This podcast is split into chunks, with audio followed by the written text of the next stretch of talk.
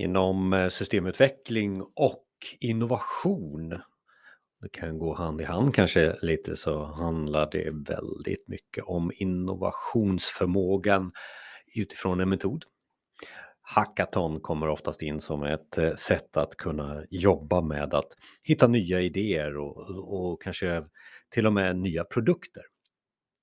Min erfarenhet av eh, att jobba med hackathon är ju att eh, det är ett tydligt mål som behöver finnas med. Det är inte så bara att vi kan planlöst köra ett hackathon bara för att vi tyckte att den här nya tekniken ska vi testa. Jag tror att det kan vi göra, men vi måste ha ett outcome av, eh, det. Att eh, skapa en grupp som lär oss den nya tekniken. Ja, det är bra och det kan man göra under ett kort intensivt pass eh, för att kreera och, och innovera och, och, och, testa på att hacka. Men det måste komma till ett resultat för att när vi reflekterar över vad vi har gjort efter några veckor eller ett halvår, vad var det egentligen vi kom fram till? Jo, det var bara egentligen att vi fick göra någonting i grupp. Har jag lärt mig någonting? Har det blivit någonting utav det här? Det är oftast där det brister. Så när man skapar ett hackathon så bör man se det som ett event mer än någonting annat som skapar en ny produkt eller affärsidé på en kort tid. Det är snabbt och det är kostnadseffektivt som skapar innovation och genererar prototyper. Man kan då testa ny teknik och nya idéer utan att eh, ditt varumärke eller ditt projekt eller eh, din grupp eh, kom, sätts på spel om man får kalla det så. Så att det där är väl någonting som man behöver sätta som, som första delen. Sen är det ju både så att ett sånt här hackathon, eh, oavsett vad du gör, om det är programmeringshackathon, så ska det ju vara någonting som både sker internt och externt. I alla fall tycker jag det. För att prata om det externt gör också att du skapar en förmåga för gruppen att göra det här lite mer på allvar. Så att det inte bara blir ett internprojekt av hela det här. Och det kan vara till exempel att eh, vi ska publicera en video bara i sociala medier eller vi ska sända live under det här eller vi ska eh, blogga under våran period som vi har det här hackathonet. Det är i alla fall konkreta idéer som ska snabbt ut i produktion. Det är nästa steg, kanske inom digitalisering.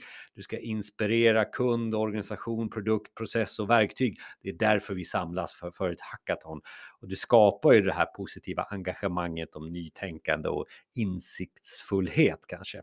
Men se det också som, som jag började med att säga nyss här då, med, med eh, att det är en, eh, en marknadsföring också i sammanhanget. Och när man tittar på innehållet så är det ju friare former, friare ramar med valfria verktyg som genererar flera nya idéer till en befintlig verksamhet eller grupp. Då. Och försök att skapa, om det är bara en grupp, eller försöka skapa flera grupper. För då kan man sätta igång någon form av utmaning mellan varandra, få igång tävlingsandan eh, utmana varandra i innovation eller i bästa tanken. Och det här ska ju då genomföras på en ganska kort tid för övrigt, typ en 24 timmars hackathon. Men det kräver ju också att det, mm, det, finns lite förberedelser. Det ska vara material och information som ligger till grund för det här arbetet. Det, om det är systemutveckling, då är det databaser, testlabb, produktionsinformation, eh, statistik etc. Så att förarbetet för det här genomförandet kan vara ju upp till en till fyra månader. Och det tar nog säkert 60, 60 timmar kanske att bara förbereda på, på det här då. Så se till att vara väldigt förberedd på när du gör ett hackathon för att då kan du skapa en leverans i innovations. Det handlar om eh, att eh, få ihop det här med, med nya idéer, men du behöver titta lite över hur du gör det. Innovationsteam, projektledning bör vara med, kommunikationsplattformen ska vara där, eventgenomförandet, för det är ju ett litet event i sig det här att genomföra hackathonet och, och sen är det att pitcha marknadsföringsmaterial och så glöm inte heller att utvärdera allt det här som ett hackathon är. Så det här är ju någonting som, som är någon form av skelett eller mall för att genomföra någonting och eh, i blogginlägget så, så lägger jag ner lite tid på att eh, visa de här olika stegen också.